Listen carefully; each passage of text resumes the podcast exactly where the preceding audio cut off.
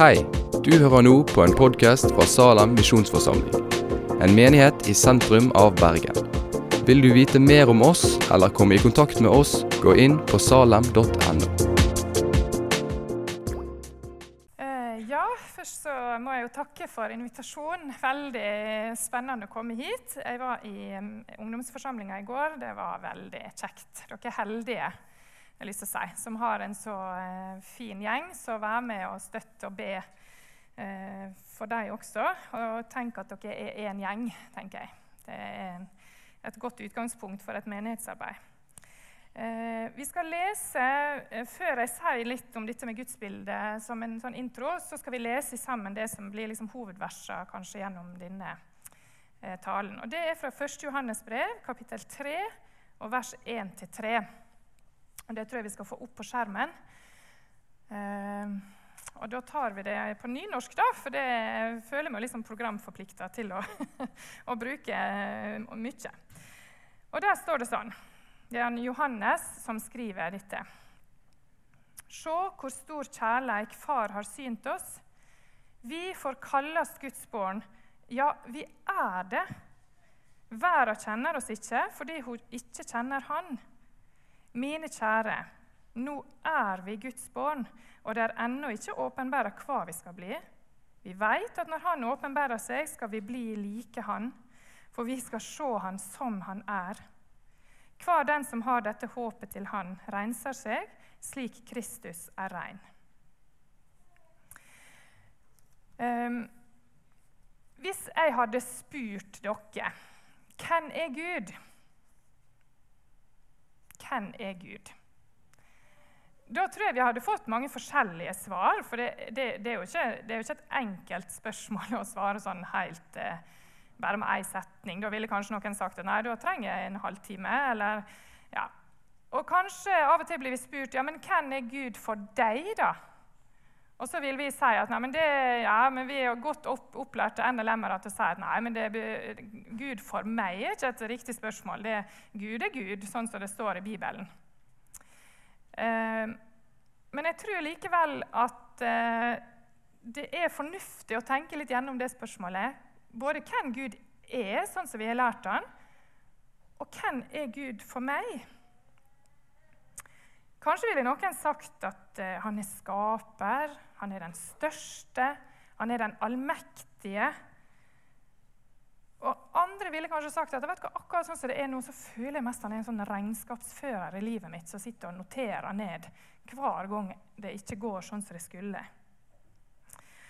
Og så er det sånn at uh, Gudsbildet vårt det er, ikke, det er jo sagt litt innledningsvis, det er ikke helt sånn enkelt å forklare hva det er. Men hvis vi tenker på den kunnskapen som vi har om Gud, det vi har lært på søndagsskolen og i tennarbeid og opp gjennom livet så har vi lest og tilegnet oss kunnskap om hvem Gud er. Og jeg har bare lyst til å si Det er kjempeviktig at vi gjør det. For det er jo nettopp i Bibelen vi lærer om Der har han åpenbart seg. Han er på alle mulige måter prøvd å forklare hvem han er. sant? Så det er viktig. Men når vi snakker om gudsbildet, så er det kunnskapen på ene sida. Og så har vi en annen del av gudsbildet er, som er med å forme gudsbildet vårt. Og det er ved hvem vi erfarer, opplever eller liksom kjenner på dypet inni oss at Gud er. Og Mange ganger så går det liksom hånd i hånd og passer helt fint sammen. Jeg har lært at uh, Gud har skapt meg, og det kjenner jeg hele meg. Åh, Så deilig at Gud har skapt meg sånn som jeg er. sant? Mens andre ganger så kan vi ha lært og veit her oppe i hodet vårt at eh, Gud er en som tilgir fordi at Jesus har dødd for meg. Men så, når alt kommer til alt, så sitter jeg på rommet mitt og tenker Men vet du hva? Sånn som jeg er ah, Nei, det kan, det, kan, det kan ikke gjelde for meg. Det gjelder nok for alle de andre. Men inni meg så er det noe som sier at det, men jeg tror kanskje ikke at jeg er helt sånn innlemma i det. Og da er det spennende å begynne å jobbe med Guds bilde. For hva slags Gud hadde det vært hvis han var sånn at han frelste og tilga alle unntatt meg? At At, Gud fant et eller annet som gjorde at han liksom Det gjelder ikke deg. Det er jo et litt rart gudsbilde hvis en begynner å jobbe med den tematikken. Så disse tinga, det du har lært, kunnskapen, det du veit, og det du erfarer i livet ditt, eller kjenner inni deg i møte med forkynnelsen, f.eks., for at, at Gud er, det er gudsbildet ditt. Og så er det sånn at For de aller aller fleste av oss så, så endrer gudsbildet seg. Og da vil noen si å, det er kjempefarlig. Men jeg tenker ikke endre seg som at vi forandrer mening om en ting. eller sånn, Men det utvider seg gjerne. sant? Gjennom et langt liv med Jesus så hadde det vært litt rart hvis ikke bildet av hvem Gud var, utvida seg og fikk nye nyanser, og vi gjør oss nye erfaringer, og vi hører vitnesbyrd fra andre eh, kristne som hører Jesus til, og forteller noe om hvem han er, og vi tenker Oi! Eh, ja, tenk at Gud er sånn! Sant? Og så utvider eh, gudsbildet seg. Og så tror jeg også at ulike faser i livet så er det ulike på en måte, deler av Gud som, som betyr noe ekstra for oss. Um, og Kanskje er det nettopp derfor at han har åpenbart seg på så mange måter. Sant? Han presenterer seg for oss mennesker gjennom Bibelen. Og bare tenk på alt Jesus sier om hvem han er. Jesus sier 'Jeg er døra, jeg er livet, jeg er veien, jeg er livets brød, jeg er livsens vann, jeg er den gode hyrde'. Ja, vet dere, jeg, jeg er, sier Jesus. Jeg er han som er. Og så tenker jeg at dette er fordi at eh, noen ganger i livet mitt så er det helt eksistensielt for meg at jeg har en hyrde som, som leder, som jeg kan si vet du hva, Nå aner ikke hvor veien går. Kan du, kan du lede meg, du som er hyrden? Og så er det en så stor kjærlighet fra Gud til oss at han nettopp eh, har alle disse sidene. Og jeg tenker at han lengter etter å finne liksom en måte å nå, nå inn til oss mennesker på. Og I dag så er det dette med at Gud sier at han er vår far. Og Da er det viktig å si allerede i starten at det er ikke bare noe han sier. og Det sier jo disse versene. Se hvor stor kjærlighet far har synt oss. Og Så skriver han Johannes først vi får kalles Guds barn. Og så hadde ikke de så mye sånn tilgang på viskelær, og sånn, så jeg tenker at, jeg tenker at han har skrevet den setningen, så tenkte han nei, herlighet, da kan jo noen tro at det er bare, sånn, at det er bare et sånt bilde. Det, det, er ikke bare et bilde, folkens, sier han. Ja, vi får oss Guds barn, men ja, vi er det. Vi er det sånn på ordentlig. Eh, og vi som eh, støtter oss på den lutherske teologien, vi tenker jo det at når vi, når, når vi blir døpt, så blir det gamle mennesker begravd med Kristus. Og så blir vi reist opp igjen. Og da får vi faktisk et nytt liv. Vi tror faktisk og lærer faktisk at vi dør. Det gamle mennesket dør. Og da må det Gud til for at det skal bli noe nytt. Og så er det Gud som skaper, som føder oss på ny, faktisk. Det høres jo litt rart ut når vi sier det høyt. Noen ting høres veldig fornuftig ut når vi tenker det inni oss, og så høres det litt rart ut når vi sier det høyt. Vi blir, vi blir født. Gud føder oss faktisk på nytt. Og da er ikke det bare at vi kalles Guds barn, men vi er det på ordentlig. Eh, det er en fødsel der Gud sier, 'Du er min'. Du er min sønn, du er min datter, du er mitt barn. Og derfor vil jeg være, det, være din far. Og sånn som vi sa innledningsvis, så er det for mange av oss, og for meg jeg har vært heldig og hatt en, en, en, en, Ingen perfekt far, men han er en god far, min gamle far eh, som peker på hvem Jesus er, og som har prøvd sitt beste å vise oss fire barna at han er eh, glad i oss. Så for meg er dette med at Gud er min far, vært en sånn uproblematisk sannhet. Men sånn som jeg sa, så kan det skape forskjellige eh, følelser i oss. og Derfor har jeg bare lyst til å si hvis du ikke har hatt en god jordisk far, men en far som har vært alt annet enn det han skulle være, så jeg har lyst til å si at da er Gud det motsatte av det. Han er den far som du kanskje har lengta etter. En som er pålitelig. Utrolig viktig å ha pålitelige foreldre. Gud, han er pålitelig. Og han svikter aldri.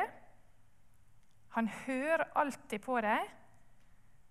Han er interessert i livet ditt. Han vil være deg nær, og han vil beskytte deg mot farer. Og Det er noe i Bibelen som eh, vi kan se noen plasser som, eh, som, handler om Guds hellighet. Og det er en sånn hellig vrede som Gud eh, viser overfor synd som blir begått. Og jeg tenker at når, når Gud ser synd som blir begått mot sine barn, overtredelser som blir begått, så vekkes det en hellig vrede i Gud. Han har et farshjerte som da raser over at sånt kan skje. Sånn, en sånn far er det Gud vil være. Han vil være en sånn for oss. Og så, Selv om jeg da har lært dette, og, og også eh, støtter meg på det og er glad for at det er sånn, så merka jeg i vinter at um, når jeg skulle be da, til han som da jeg tror og vet er min far så så jeg for meg meg sjøl. Hvis jeg kunne se meg sjøl litt sånn utafra, så, så, gikk jeg litt sånn pent tenkte ja, nå må jeg be, og da må jeg bare ordne meg litt først. Rette litt på klærne, fikse litt på håret. Eh, tenke litt sånn Å, det var dumt at jeg gjorde det, for det er jo litt sånn klamt å ha med seg noe inn mot han. Og så banka jeg liksom forsiktig på døra til Gud. Og så sa jeg hei, kan jeg, kan jeg få audiens, på en måte. Så så jeg dette litt sånn for meg når jeg skulle be til han, og så tenkte jeg det er jo ikke sånn det skal være. I Johannes' åpenbaring så står det så sier Jesus han står og banker på til eh, menigheten. Så sier han, 'Se, jeg står for døren og banker.' Om noen hører min røst og åpner døren, vil jeg gå inn til han holde måltid med han, han med meg og jeg med han. Å be det er jo bare å åpne opp den døra som Gud faktisk står utafor. Gud han står utafor denne døra, og så banker han på, og så kan vi åpne inn i det rotet og de vonde følelsene, de syndene vi prøver å skjule for han, og det vi skammer oss over i eget liv. Og så sier Gud, 'Åpne opp den døra, da.' Bare åpne opp døra. Og det, Vi skal få lov å lukke han inn i dette. Og Av og til så ser jeg for meg Gud som en sånn sliten tenåringsfar som står utafor altså Tenåringsdører de kan være ekstremt lukka, på en måte. Sånn, um, uten at de nødvendigvis er låst med en lås, men det bare liksom oser ut av det rommet. 'Ikke åpne den døra!' sant? Og en fortvila tenåring på innsida. Og kanskje en enda mer fortvila tenåringsfar på utsida som står med panna i døra og banker forsiktig. Og hvorfor gjør en god far det? Jo, for han vil inn og så trøste denne dette barnet som har det så vondt der inne. Men vet også at jeg kan ikke trenge meg på, for da blir alt veldig feil. Og så står han utafor og banker. Og så tror jeg at av og til så gjør Gud det med oss. Og litt sånn Hei, ikke glem, å, ikke glem meg, da. Dette kan jo jeg hjelpe deg med. Dette kan jo jeg komme inn i. Første Peters brev så oppfordrer Peter kast all din bekymring på han, han er faktisk en sånn far som vil ha alle bekymringene. Etter at uh, jeg og Jørn ble foreldre altså Det er jo et sjokk. Jeg har lyst til å si det, Dere som ikke uh, er blitt det, eller kanskje går og venter på det.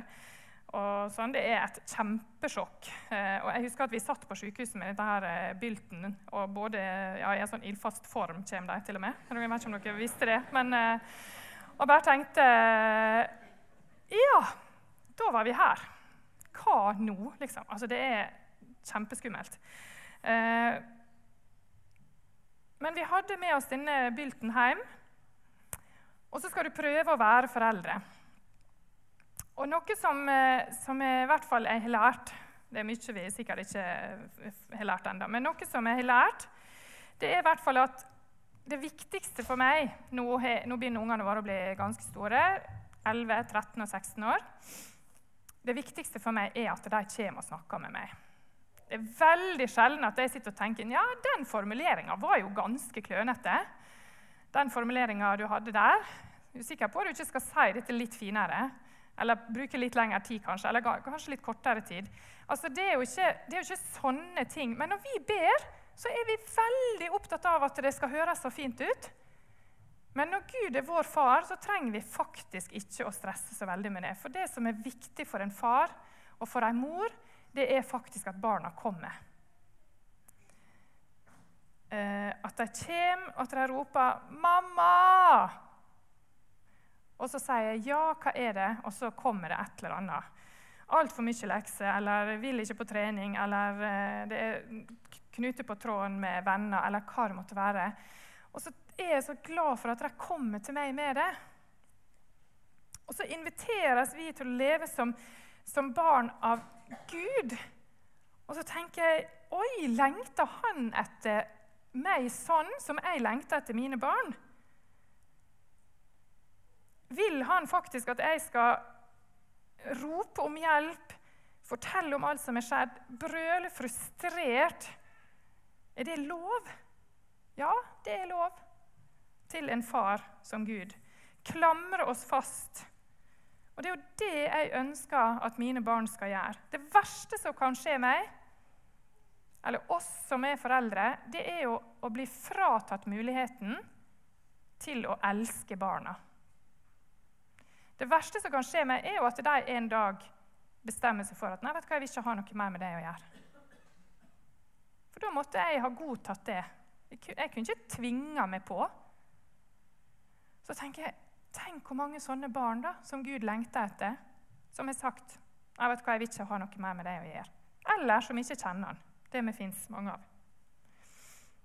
Og så tenker jeg for en djup, djup, djup sorg det er for Gud som far å bli fratatt muligheten til å elske barna sine. For det er ikke det viktigste at de skal elske meg. At de skal si til meg at 'jeg er så glad i deg, mamma', det er jo veldig deilig når de gjør det. Men det er ikke det som er det viktigste. Det viktigste når man er foreldre, er faktisk å få lov å elske. Få vise barna sine at man er glad i dem. Og så tenker jeg sånn er Gud. Sånn er Gud. Og da tenker jeg Når han oppmuntrer oss da til å lese i Bibelen, til å henvende oss til han, så er ikke det først og fremst for at han skal sitte og si ja, nå var du flink.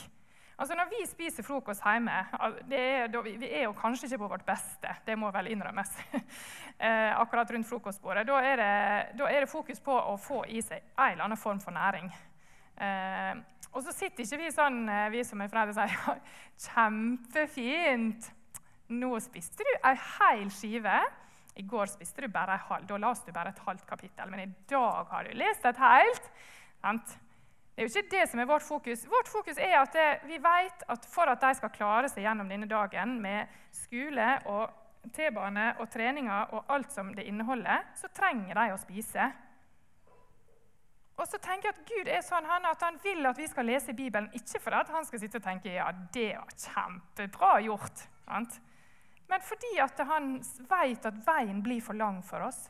Hvis ikke jeg tar til meg av hans ord, så vil jeg rote meg vekk. Og Gud tenker det må ikke skje at Grete roter seg vekk. Så les ordet mitt, sier han. Les ordet mitt, sånn at du får styrke til det som du skal møte gjennom dagen. Akkurat sånn som vi tenker. Vær så snill å spise opp maten din, for ellers så orker ikke du den treninga. Vi får kalles Guds barn, og vi er det. Vi er det på ordentlig. Um, og så det fantastisk uh, Eller fantastisk, men uh, nei, jeg må begynne på en annen måte. Når, uh, når, jeg, når jeg, tenker tilbake igjen på når jeg flytta ut hjemmefra, og sånn, så husker jeg at det var veldig mange ting jeg tenkte at jeg skal i hvert fall ikke gjøre sånn og sånn. Det var skikkelig dust av mamma å ha sånne regler og sånn. Men man møter seg sjøl ganske kraftig i døra når man blir litt voksnere. Og så tenker jeg ja, jeg er blitt akkurat som mine foreldre. Jeg, akkurat de samme reglene, Ikke akkurat samme, da, men en del av de samme reglene som jeg tenkte det var skikkelig dust. Um, og så er det jo litt sånn at vi Gode foreldre i alle fall, de prøver vi å ligne på. Uh, Dårlige foreldre vil vi kanskje prøve å få avstand til, men når vi har hatt sånn tålelig greie og ok foreldre, så viser det jo bare igjen at vi ligner ganske mye på dem. Og jeg tror det er sånn men Når vi er sammen med Gud, han er vår far, så ønsker vi å ligne på han. Eh, et liv i etterfølgelse av han handler også om å, å begynne å ligne på han. I dag så eh, skal vi ha nattvær. Og jeg hadde lyst til eh, mot slutten av denne talen å si litt om velsignelsen som vi skal lyse over dere helt til slutt etter nattverden. For det første så er nattverden også et sånt måltid der vi får komme til en far som tar imot, og så sier han Se her, barnet mitt. Her er mitt legeme, mitt blod, som du kan styrke deg på, sånn at du eh, klarer denne veien som du skal gå på. Og så lyser vi velsignelsen over hverandre mot slutten av møtet. Og Den sier mye om hvem Gud er som far, tenker jeg. Vi begynner velsignelsen med Må Herren velsigne deg og bevare deg. Velsigne, det er Velsignelse er på en måte alt godt. Og da er ikke det bare alt godt sånn eh, jeg ønsker meg en Mercedes. Det er ikke sånn godt, men det er på en måte det som er godt for livet. I går så snakket vi litt om å styrke det indre mennesket. Og jeg tenker at I velsignelsen fra Gud så ligger det en sånn, en sånn styrke til det indre mennesket vårt. Eh, at vi skal vokse i nærhet og kjennskap til Han. Få alt det gode.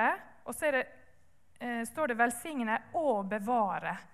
Vi blir bevart hos Han. Det er en sånne sterke farsarmer som bevarer barna sine. Og når, Så lenge vi lever på denne jordkloden, så er ikke vi bevart fra verken sykdom eller krise eller vonde ting i livet.